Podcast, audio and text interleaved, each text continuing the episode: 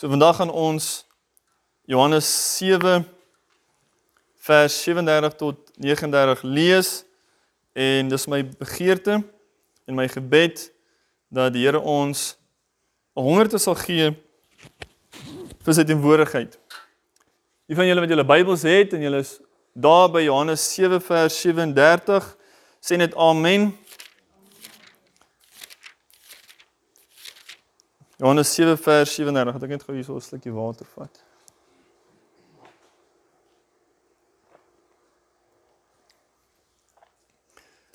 So in hierdie week het ek nou gebid en gesê, Here, wat gaan ek nou vir hierdie mense sê? Want die mense sit hierso, hulle is al 20, 30 jaar, 40 jaar in die kerk. Hulle het nou baie preke gehoor en baie leringe gehoor en hier's ek, hierdie jong ou en ek het nou 'n storie om te vertel en ek voel u werk met my, maar wat gaan ek sê vir hierdie mense? En ek bid en ek sê Here, ek wil nie vir hierdie mense vandag enigiets kom sê wat net uit myself uit is nie. U moet my asseblief 'n openbaring gee. U moet my 'n woord gee vir nou vir vandag. En die Here lei my na Johannes 7 vers 37 toe. So ek gaan vir ons ek gaan vir ons lees en ek gaan die Here vertrou dat die Here vir ons hierdie woord gaan oopbreek en nie net dat ons dat ons 'n bietjie beter die Bybel verstaan nie, maar dat ons dat ons die lewende water sal beleef vandag. Johannes 7:37 sê en op die laaste dag die groot dag van die fees het Jesus gestaan en uitgeroep en gesê as iemand dors het laat hom na my toe kom en drink. Nou kom ons gee 'n bietjie agtergrond voor ons aangaan nie. Net dat ons bietjie beter kan verstaan. Wat 'n fees, wat 'n laaste dag is hierdie ding waarvan Johannes nou hier skryf. En en wat het hier gebeur? As ons Johannes 7 gaan lees, begin vers 2 en die fees van die Jode. Die hittefees was naby. Dit was die hittefees, die fees van tabernakels soos ons sê in Engels Feast of Tabernacles en Hebreëus Sukkot. En dis 'n pelgrimsfees. Almal word beveel Deuteronomium 16:16 en op ander plekke in die Ou Testament om op te gaan die mans om te verskyn voor die Here se teenwoordigheid in Jerusalem by die tempel. So hier is Jesus op die laaste dag, die laaste dag van hierdie fees was ook die groot dag. Dis die 8ste dag. Shmini Atzeret is dit in Hebreëus genoem en dis hierdie groot dag en Jesus staan op in die tempelomgewing waar daar nou tientallen en duisende Joodse Israeliese mans is en daar's 'n seremonie wat aan die gang is by die altaar en hierdie seremonie word elke dag van die fees gedoen. Hulle gaan en die priesters vat bekers en hulle loop af na die poel van Siloam toe en hulle gaan haal daar water en hulle gaan sing 'n liedjie. Jesaja 12, hulle sing Jesaja 12 wat hierdie hierdie liedjie is oor die waters van Yeshua die waters van verlossing. En hulle dit word genoem in Engels die water libation ceremony. Ek weet nie wat se Afrikaans vir dit nie. Maar nou kom die priesters op en hulle sing en hulle dans en hulle bring hierdie water na die tempel toe elke dag na die altaar toe en die mense is besig om om die, om die altaar te dans met palmtakke. En hulle is besig om die psalms te sing. Psalm 113 tot 118 word genoem die Hallel psalms, die psalms van lofprysing en aanbidding. Dieselfde psalms wat wat Paulus en Silas gesing het in Handelinge 16 in die tronk. Toe die tronk geskit was. En dis dieselfde psalms wat Jesus gesing het saam met die disippels by die nagmaal. By die die Pasgaete, die Pessag. En die priesters gaan dan hulle vat 'n beker met hierdie water en hulle vat dan druiwesap of wyn in 'n ander beker, hierdie twee bekers saam en hulle gooi dit uit oor die altaar. Nou wat op aarde doen hulle? Wel die die water is soos 'n simbool, dis 'n dis 'n uh, ons is besig om 'n profetiese aksie te doen sê die priesters. Ons gooi die water uit om te sê Here, ons soek reën. Seën Israel met reën. Die reenseisoen is die winterseisoen in Israel. So hierdie is aan die einde van die die warm seisoen as ek dit sou kan sê, die somer. Dit gaan oor herfs, Dit begin nou kouer word in Israel September Oktober en die priesters gooi hierdie uit om te sê Here, stuur vir ons die reën. Die later reën. En op hierdie dag al hierdie dinge is besig om te gebeur in die tempelomgewing. Jesus staan op terwyl al hierdie goed gebeur en hy sê as iemand dors het, laat hom na my toe kom en drink. Hy wat in my glo, soos die skrif sê, strome van lewende water sal uit sy binneste vloei. Daai is nogal ek dink so as ek hierdie goed lees, dan dink ek Derek Prince het gesê as jy die Bybel lees en dit verbaas jou nie. Dit fascineer jou nie. Is omdat jy nie dit eintlik verstaan nie. As ons eintlik verstaan wat hier aangaan, dan sal ons vashak by hierdie versie en en by hierdie stuk vir baie langer as wat ons eintlik doen. Maar omdat ons so omdat ons 'n oppervlakkige verstaan het van die Bybel. En baie mense het 'n oppervlakkige verhouding met die Here. Lees hulle oor die goed en dit dit raak nie hulle harte nie. Vers 39 kom Johannes en hy skryf en hy sê dit het hy gesê, Jesus gesê van die Gees wat die sou ontvang wat in hom glo. Want die Heilige Gees was daar nog nie omdat Jesus nog nie verheerlik was nie. Nou Johannes bedoel nie hier die Heilige Gees het nie bestaan nie. Hierdie belofte van die Heilige Gees se uitstorting, die Heilige Gees soos 'n strome van lewende water, 'n fontein van lewende water in jou binneste, dit was nog nie daar nie omdat Jesus nog nie verheerlik was nie.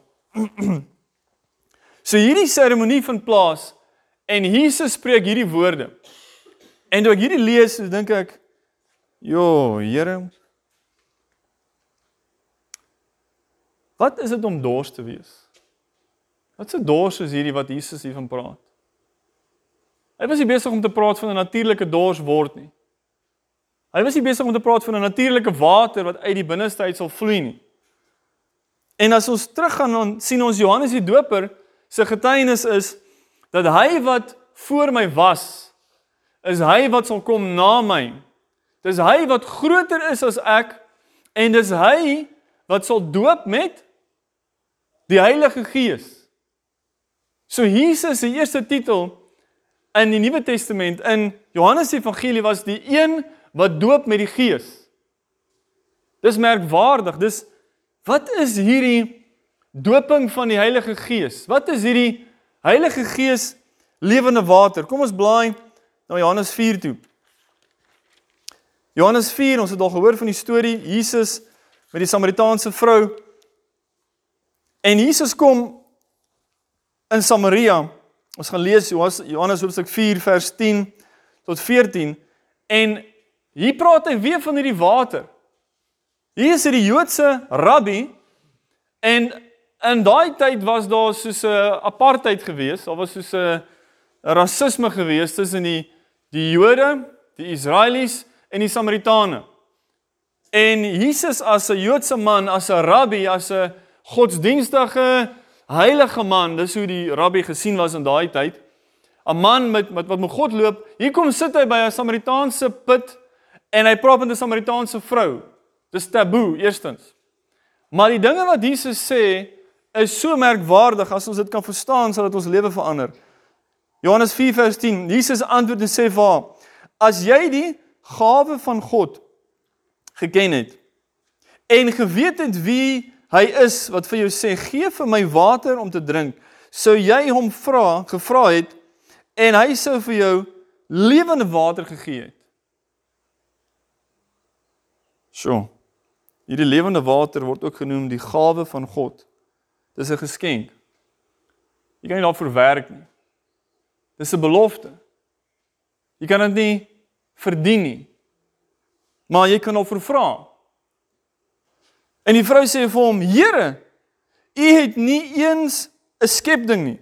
En die put is diep. Waarvandaan kry u dan die lewende water?" Sê sy verstaan nie die geestelike ding nie.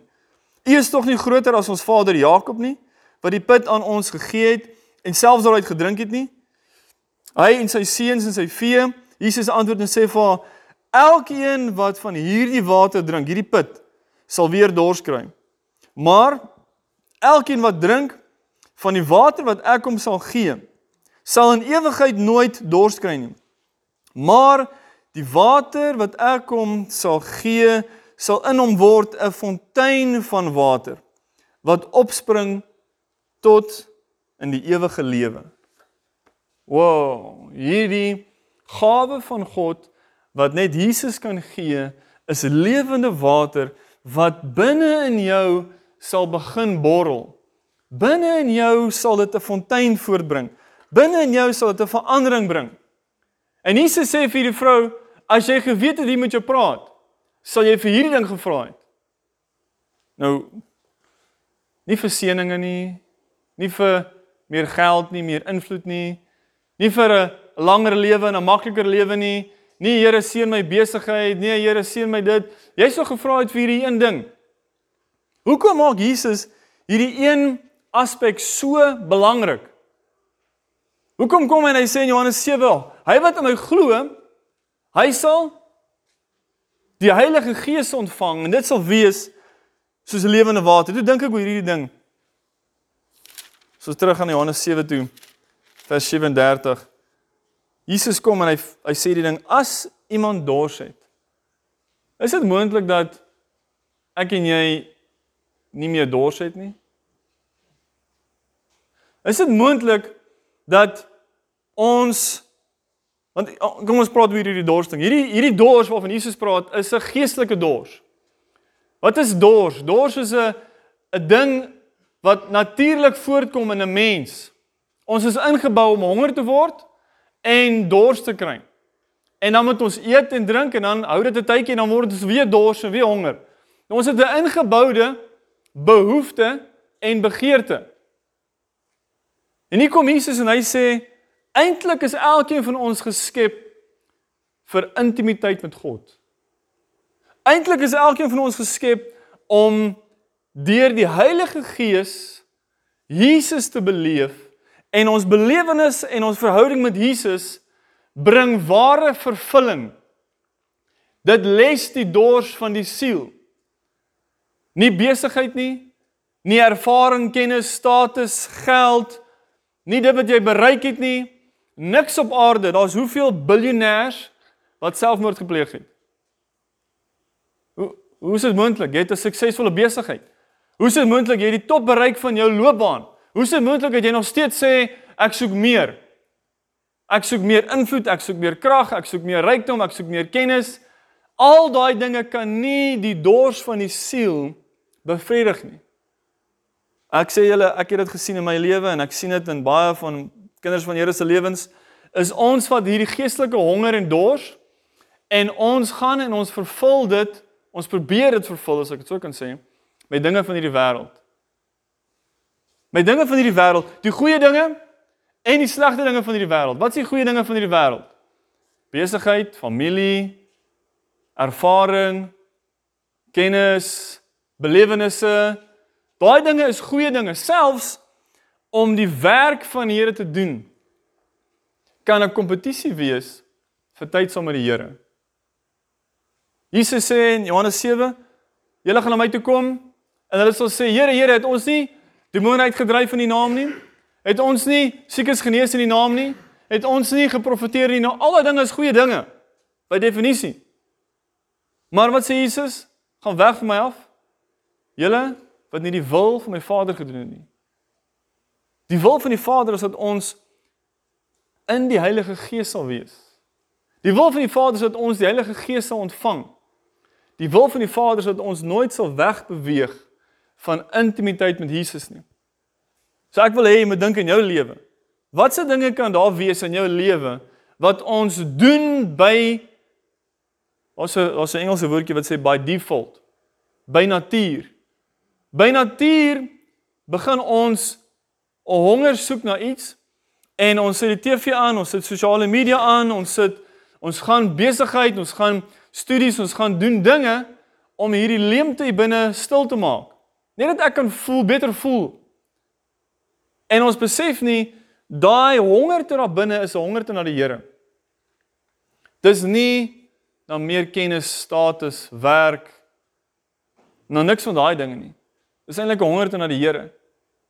En ons is besig om meer keer as as gereeld meer as wat ons moet, is ons besig om hierdie begeerte na die Here stil te maak en stil te maak.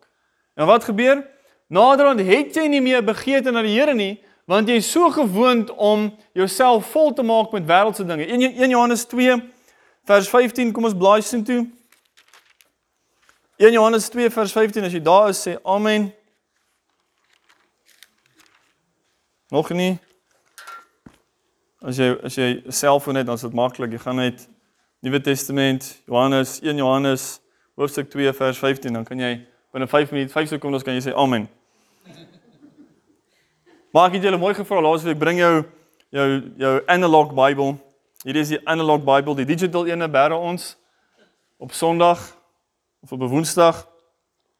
Johannes hier waarsku, dieselfde Johannes wat die evangelie geskryf het, die geliefde apostel sê, moenie die wêreld lief hê of die dinge wat in die wêreld is nie. As iemand die wêreld liefhet, dan is die liefde van die Vader nie in hom nie. Jou kapasiteit is net soveel. Jy het net soveel liefde en aandag en tyd om te gee aan 'n ding. Wanneer jy soveel tyd aan 'n goeie ding spandeer, sal dit die bietjie tyd wat jy het om te gee aan die Here kompeteer mee. Jou aandag, jou emosies, jou kapasiteit, my gedagtes, ek weet nie van julle se nie, maar myne is beperk om net oor soveel goed te dink in 'n dag.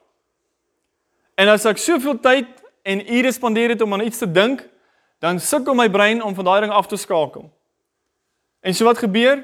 Hoe meer ek elke dag tyd spandeer aan 'n ding en daai daai tyd begin kompeteer met die Here se tyd, wat gebeur? My honger en begeerte vir die Here raak minder. Ek weet nie van julle nie, maar ek het so rukkie terug beleef, beleef hoe meer ek bid, hoe meer wil ek bid. Hoe minder ek bid, hoe minder wil ek bid. Ek weet nie van julle nie. Maar ek is nou nie 'n engeltjie nie. Ek staan op in die oggende en dan voel ek baie keer nie lus om te bid nie. Ek staan in die oggende op en baie keer voel ek nie lus om Bybel te lees nie. So ek enig steen of is daar ook mense wat leef? OK, ons almal is mens. Dan moet ek kies om te wil. Nie ek kies wat ek voel nie. Ek kies om te wil. Dawid sê, "My siel, jy sal die Here loof." So 1 Johannes 2 kom hy en hy waarsku ons vers 16. Hy sê hierso: Want alles wat in die wêreld is, die begeerlikheid van die vlees, daai woordjie begeerlikheid, epithumia in die Grieks, dis soos 'n magneet. Dis 'n ingeboude ek gou van die Engelse stelling operating system. Hy is so geprogrammeer. Die vlees is geprogrammeer om te begeer na die wêreld. Die gees is geprogrammeer om te begeer na die Here. So wat gebeur? Hy sê hierso, want alles wat in die wêreld is, die begeerlikheid van die vlees en die begeerlikheid van die oë en die grootsheid van die lewe is nie uit die Vader nie, maar is uit die wêreld en die wêreld gaan verby en sy begeerlikheid, maar hy wat die wil van God doen, bly vir ewig. Hy wat kan besef, Jesus, hier is 'n ding hier binne in my wat die heeltyd soontoe wil gaan, maar ek besef dis nie die regte rigting nie. Daai kant toe is die regte rigting. Hier's 'n ding hier binne my wat by natuur nie wil Bybel lees nie. Nie die Here se teenwoordigheid wil soek nie. Nee, ek wil liewerste rugby kyk en skree en te kere gaan oor wie wen en wie verloor as wat ek sal kom en die naam van die Here groot maak. Want wat gaan mense van my dink? Daar's 'n ingeboude ding wat sê ek is bang oor wat mense van my gaan dink meer as wat ek bang is oor wat God van my dink. En Jesus is besig om te waarsku en te sê hierdie is 'n probleem. Ons het 'n vyand wat weet hoe die mens saamgestel is. En hy weet as hy jou aandag kan kry, gaan hy jou hart kry.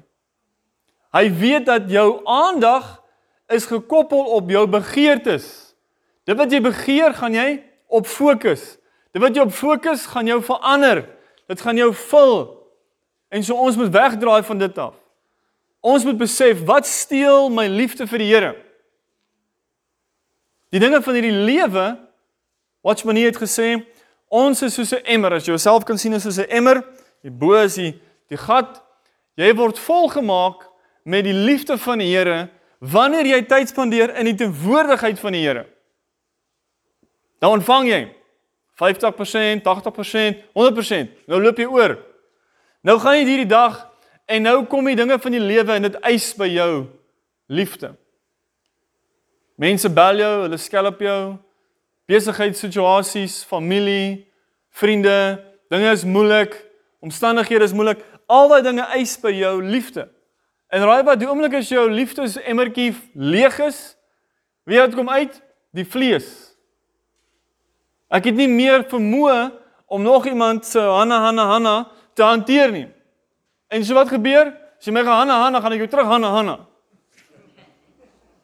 Almal wat nie kinders het nie, weet nie waarvan ek praat nie. Ons ons wil vir julle bid wanneer julle kinders kry, gaan julle weet waarvan ons praat. Jy het liefde nodig van die Here. Maar wat gebeur? Nou kry ek nie my my liefde van die Here af nie. Nou gaan ek na ander dinge toe om beter te voel, om te voel ek kry vermoë, om te voel ek kry nou iets my battery te charge vir die uitdagings. En Jesus sê moeilikheid moenie dit doen nie. Blaai saam my Galasiërs 3 toe. Galasiërs 3 vers 1 tot 3. Paulus kom en hy praat oor dieselfde ding. Hoe word ons liefde van die Here gesteel? Hoe word ons begeerte na die Here weggedraai sonder dat ons dit besef baie keer? Misleiding en verleiding gebeur op 'n manier dat jy nie veronderstel is om te weet jy word mislei nie. Dis soos jy word moeg en jy gaan in slaap raak. Party mense kan besef ek raak nou moeg, ek is in gevaar. Moenie nou bestuur agter die kar nie. Ander mense besef nie ek raak moeg nie, hulle raak net aan die slaap. Anders wanneer hulle wakker word, besef hulle ek het geslaap. Paulus sê hierso: O onverstandige Galasiërs, wie het julle betower as 'n geestelike mag in hierdie wêreld aan die gang om ons as kinders van die Here en die res van die wêreld te betower. Die woordjie daar in die Grieks is baskaino om jou te bedrieg, om jou te fascineer, jou aandag af te trek van wat belangrik is en dit op dinge te sit wat nie belangrik is nie. As Jesus die belangrikste moet wees en die Heilige Gees die lewende water belangrik moet wees vir ons om lewe te hê en te oorwin, nie net te kan oorleef in hierdie wêreld nie. Wat moet ons doen as hier regtig die belangrikste ding is?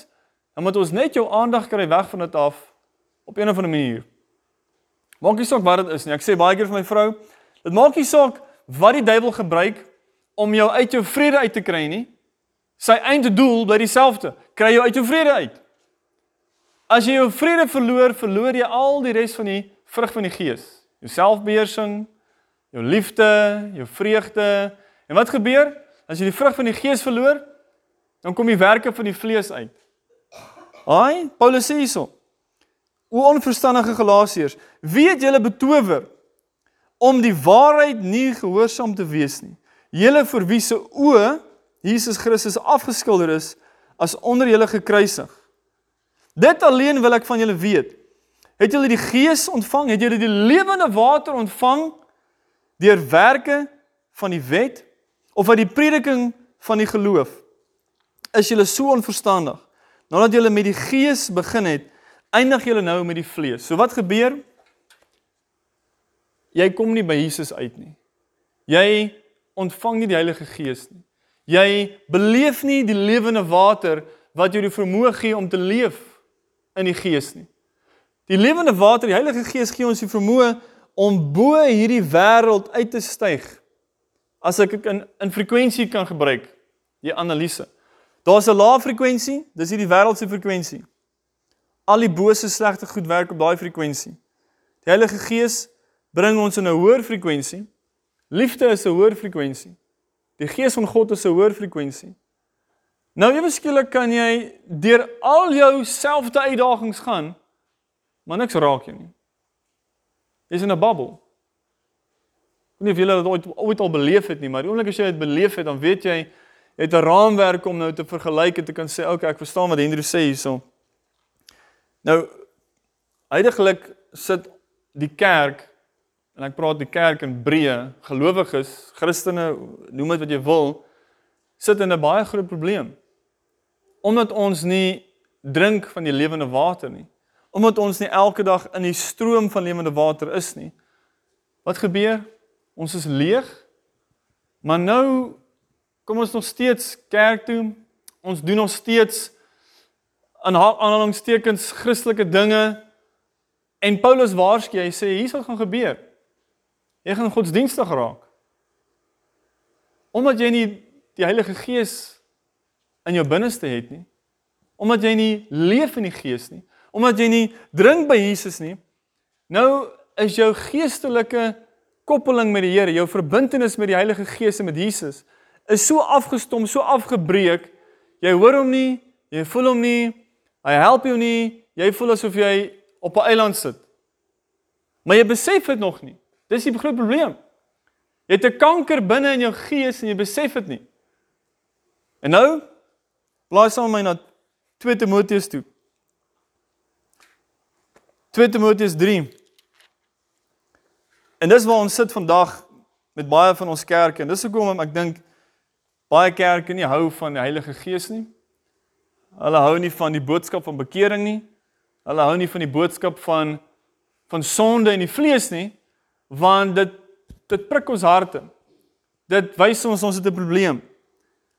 Paulus kom en hy sê 2 Timoteus 3 vers 5. Hy sê mense nou weer eens bietjie agtergrond. Paulus sê hierso vers 1, daar gaan swaar tye kom. Dan vanaf vers 2 tot vers 4 gee hy al hierdie eienskappe van mense wat liefhebbers van hulle self is, vleeslik is, al die verskillende dinge wat jy kan aan dink. Noem hy doen hierdie mense 18 tot 19 verskillende punte. En dan sê hy mense vers 5 hierdie mense wat 'n gedagte van godsaligheid het. Wat is dit? Hoekom sê jy nie net hierdie mense is wêrelds nie? Hierdie mense is goddeloos nie. Nee, hy sê hierdie mense kom en sit in die kerkbanke. Net 'n Bybel of sonder 'n Bybel. Hulle kom kerk toe, hulle hulle assosieer met die geloof.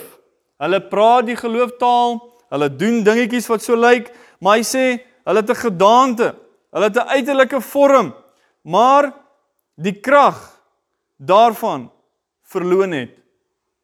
Dis wat ons mee sit vandag, julle. Dis waarmee ons sit vandag. Dis hoekom die jong mense niks wil weet van kerk nie. Met alle respek gesê.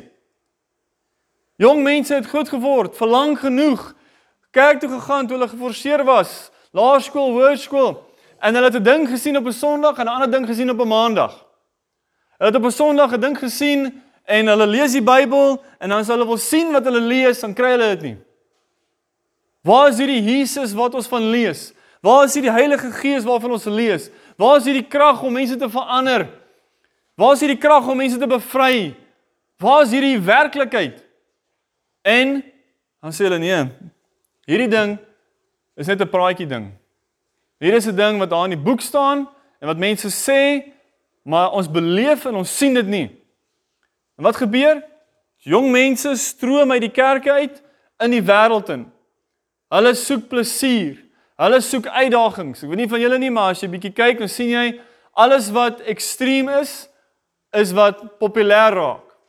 Extreme sports, alles wat adrenalien opwek, alles wat risiko behels, alles wat jou kan opgewonde maak, is wat jong mense agteraan hardloop. Ek het gedoen vir 8 jaar. Ek het vir 8 jaar skateboard gery, vir 8 jaar. So ek weet waarvan ek praat. Dwelms, drugs. Ons mense, ons jong mense soek iets wat werklik is. Hulle soek iets wat hulle uitdaag. Hulle soek iets wat hulle kan verander. En hulle kry dit nie by die kerk nie. Want die kerk sit met hierdie probleem. Ons het die Jeremia 2 vers 13, ons het die lewende water, die fontein van lewende water wat Jesus in die Heilige Gees is, het ons uitverruil vir hierdie gebak, hierdie uitgekapte reënbakke wat nie water kan dra nie. Ons het die verhouding met Jesus 'n verhouding vereis risiko, julle. Dit vereis ek moet myself kwesbaar maak. Dit vereis ek is nie in beheer nie, die Heilige Gees is in beheer. En hier kom Paulus en hy waarsku ons, hy sê dit is wat die probleem is. En dis waarmee ons sit vandag. Blaai saam met my na Galasiërs 5 toe. Galasiërs 5 kom Paulus en hy sê 5 vers 16 en 17, maar ek sê wandel deur die gees dan sal julle nooit die begeerlikheid van die vlees volbring nie. Want die vlees begeer teen die gees en die gees teen die vlees en hulle staan teenoor mekaar sodat julle nie kan doen wat julle wil nie. Ons probleem vandag is heel eerstens ons het die Heilige Gees verwyder van ons lewens. Ons het die Heilige Gees 'n onderwerp gemaak. Ons het die Heilige Gees 'n ding gemaak. Ons het die Heilige Gees eenkant gesit en al die slegte voorbeelde van sogenaamde uitstortings of bewegings van die Gees of mense wat gelei word deur die Gees in my lewe het ek gesien, oomblik as jy praat van die Heilige Gees, leiding en werking, dan kom mense wat 'n slegte belewenis het en hulle sê ja nee, daai ander mense, hulle het gesê ek is deur die Gees gelei en toe wat? Doen hulle 1 2 en 3. En so die leiding van die Heilige Gees en die belewenis van die Heilige Gees word hierdie hele ander taboe slegte onderwerp wat ons wat ons vanaf weg beweeg het. Waar ons veronderstel is om te kom en sê Here, u woord sê vir ons Johannes 7 vers 37. Ek het 'n dors en ek het 'n dors na die ware God van hemel en aarde. Ek het 'n begeerte om die ware God te beleef, die ware God te ontmoet en om saam met hom te leef. Nie net van Sondag nie, na Woensdag nie, maar elke dag van my lewe. Hoe doen ek dit, Here? Help my. En dan sê Jesus, kom na my toe. Kom na my toe. Eenvoudige ding, hy wat hoor en glo in sy hart en uitroep, Here, hier is ek. Here, vul my met die Gees. Here, vergewe my vir my sondes. Ek glo dat U het aan die kruis gesterf vir my. Hy sal die gawe ontvang, die geskenk ontvang van die Heilige Gees. En raai wat? Jesus kan net vir my en jou werklik word deur die Heilige Gees. Nie deur 'n predikant nie, nie deur boeke nie. Wanneer jy kom en vir jouself die saak uitmaak en sê Here, ek soek U. Here, ek het U nodig. Dit wat ek doen, Here, kan U meer van U gee en kan U minder van U gee nie. Ek het U nodig. Dis 'n geskenk van U af. Gee my hierdie geskenk. Interessant toe ons by hierdie konferensie was twee weke terug waar ek vir pastoor Barry ontmoet het. Toe doen dokter ehm um, Renée Hatting 'n oorsig oor herlewing in Suid-Afrika. En sy gaan en sy kyk na Andrew Murray se herlewing in 1860 tot 1864. En Andrew Murray soos ons almal weet, 'n man van God en 'n skrywer en en uh ek dink hy sal seker in sy graf omdraai vandag as hy sien wat gebeur met die NG Kerk. En hier kom Andrew Murray en dit sê hulle is by 'n biduur by die kerk. Ek dink dit was in in uh Woester en die mense begin snaaks Snaaks het goed doen.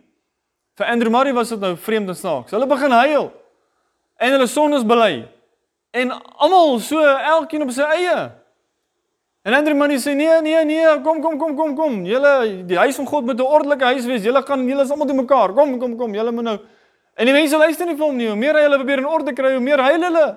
O, oh, Here, vergewe my vir my sondes. Hierdie en daardie ding en en die tweede keer, tweede dag toe hierdie gebed by einkom sê het En Andrew Murray wil die mense stil maak en rustig maak en hulle moet nou stil sit en mooi luister en ordelik wees. Toe kom daar 'n man en 'n man staan in die ingang van die kerk. En hy sê, "Ek neem aan jy's die predikant." Hy sê, "Ja."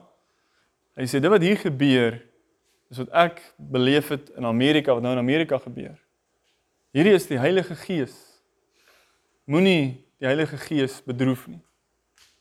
Moenie die Heilige Gees se werking in die mense keer nie. En die Heilige Gees kom op 'n vreemde en 'n onverwagse manier en raak die mense aan. Dit wat hulle voor gebid het, hoe lank, Here, raak die mense aan. Kom beweeg onder die mense. Het hulle 'n eie idee gehad hoe dit gaan werk? En toe die Heilige Gees kom, toe lyk dit glad nie soos wat hulle gedink het dit gaan lyk nie. En hulle moes toe oorgee. En sê Here, nie ons wil nie, maar U wil.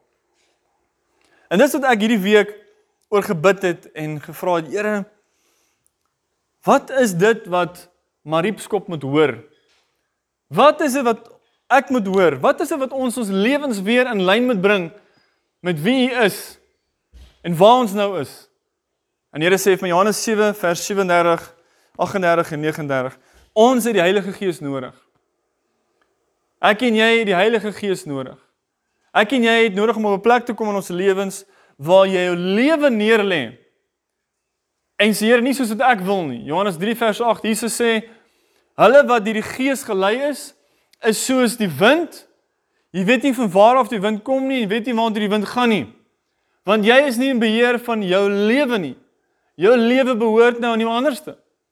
En om daai besluit te maak, kos dit jou verhouding. Dit kos jou om te glo hierdie persoon aan wie ek my lewe gee, weet beter.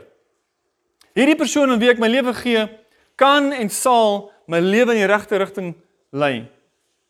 En so dis wat ek graag vanoggend vir julle wil vra. Waar in ons lewens moet ons regmaak met die Here? Waar ons verstaan van wat dit beteken om 'n kind van God te wees? Wat dit beteken om 'n disipel van Jesus te wees? Kan jy 'n disipel wees van Jesus sonder die Heilige Gees? Nee. Kan jy 'n disipel wees wat jou eie lewe vashou? Nee. Jesus kom in jou in in Lukas 9 en hy sê as jy my wil volg, weet dit gaan 'n prys kos. Jy kan nie my disipel wees as jy nie alles oorgee nie. Jy kan nie my volg as jy nie bereid is om te sterf vir my nie. Julle dis Jesus maak dit moeilik.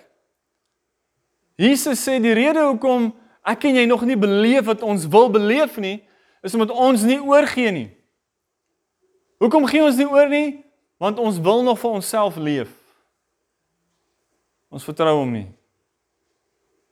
Ons wil ons eie ding doen. Ek wil in beheer wees van my lewe. Ek wil in beheer wees van my bediening. Ek wil in beheer wees van my besigheid. En Jesus kom en sê nee, solank jy in beheer gaan wees, is daar nie plek vir my nie. Die oomblik as jy tot die einde kom van jouself en sê Here, hier's ek.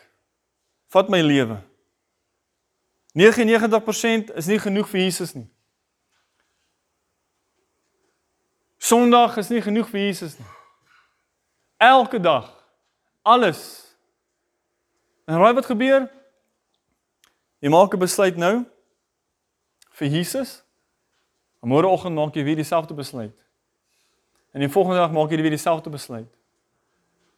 En dag vir dag begin die Here jou verander. Dag vir dag begin die Here werk in jou. Na 'n week, twee weke, na 'n maand jy terugkyk kom jy agter ek is nie meer dieselfde mens nie. Want die Heilige Gees kom. Aan die een kant kan die Heilige Gees sagkens met jou werk as jy bereid is om neer te lê. Aan die ander kant as jy jouself verhard, as jy jou eie ding doen, dan kom die Heilige Gees en die woord sê dis verskriklik vir hulle wat val op die rots en gebreek word. Maar dit is meer verskriklik vir hulle op wie die rots val en hulle verpletter. So ek wil jou net 'n geleentheid gee nou om jou oë toe te maak om aan jou lewe te dink. Ons wil nou vanoggend die nagmaal deel hy aan die nagmaaltafel. En Paulus kom en hy sê wanneer ons kom na die tafel van die Here toe, moet ons dit doen met vrees. Hoe bedoel jy Paulus? Hy sê want hierdie is nie net sommer 'n broodjie en sommer 'n bietjie druiwesap of wyn nie. Hy sê hierdie is die liggaam van Christus. Hy sê wanneer ons hier toe kom, kom ons voor ons die tafel na toe kom, voor ons Jesus se liggaam gebruik, laat ons onsself ondersoek. Laat ons ons harte voor Here bring. Is daar 'n ding tussen man en vrou wat moet uitgesorteer word? Is daar 'n ding wat jy het in jou hart teenoor mense in die wêreld, besigheid, familie, vriende? Maak jou hart nou reg. Ek vra, maak julle oë toe. Van hierdie 5 minute en vra die Here wat is daar in my hart wat ek moet regmaak? Wat is daar in my lewe wat die Heilige Gees bedroef? Want die gevaar ontstaan as jy van Jesus se liggaam eet en van sy bloed drink op 'n onwaardige wyse in 'n 'n plek waar jy in onvergifnis is of 'n plek waar jy in sonde is, dan sal daar 'n vloek oor jou kom in plaas van 'n seën, waarskynlik Paulus. Hy sê so so sommige van julle is siek en so sommige van julle gesterf omdat julle op 'n onwaardige wyse kom en dit wat heilig is en wat kragtig is misbruik. En in plaas van 'n seën ontvang jy 'n vloek. En vir jare en jare bid ek hieroor en ek sê Here ek verstaan nie die diepte van die nagmaal nie.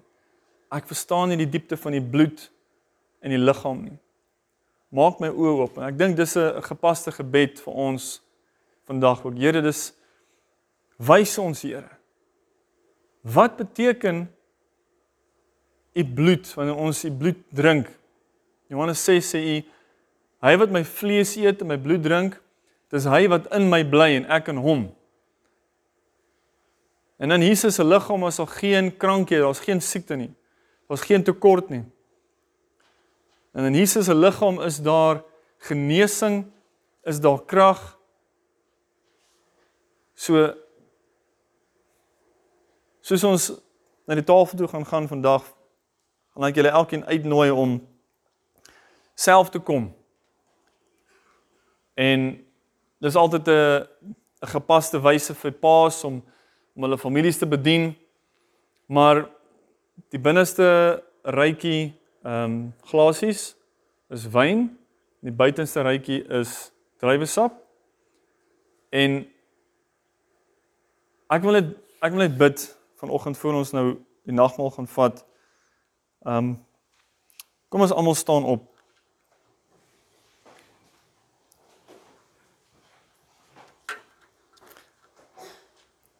Nou ek weet nie waar jy in jou lewe nie, maar dis my gebed vanoggend dat wanneer ons gaan kom na die tafel toe dat jy al verstaan ons nie alles nie dat ons in geloof sal kom.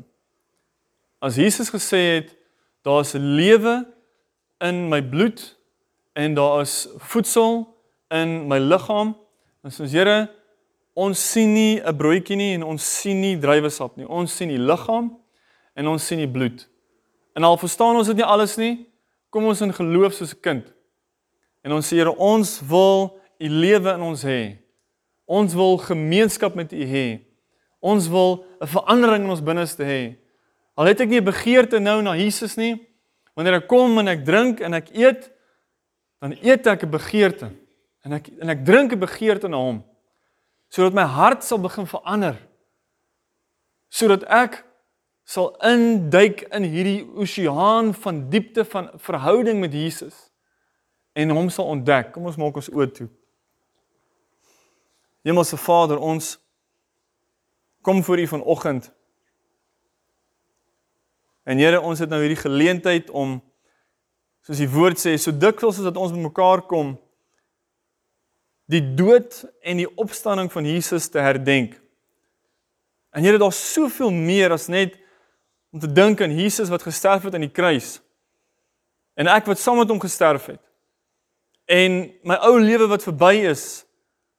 Daar's soveel meer, daar's 'n 'n bruilofsfeesmaal waarna hierdie tafel vorentoe kyk.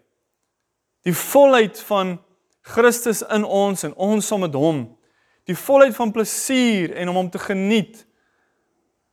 En Here, dis dis my begeerte vanoggend dat U deur die Heilige Gees vir ons 'n klein bietjie openbaring sal gee ons oë net 'n bietjie meer sou oopmaak, dat ons 'n bietjie meer sal verstaan en deur die groot genade 'n bietjie meer sal beleef, Here. Wat is dit, Here, wanneer ons u bloed drink en u liggaam eet? Dat ons kan begin verstaan en ook kan begin deelneem aan hierdie uitnodiging wat u vir ons gegee het. Dis my gebed dat u sal verheerlik word in ons en dat u sal verheerlik word deur ons. Vader, ons bid dit in die naam van ons Here Jesus. Amen. So julle kan kom na die tafel toe.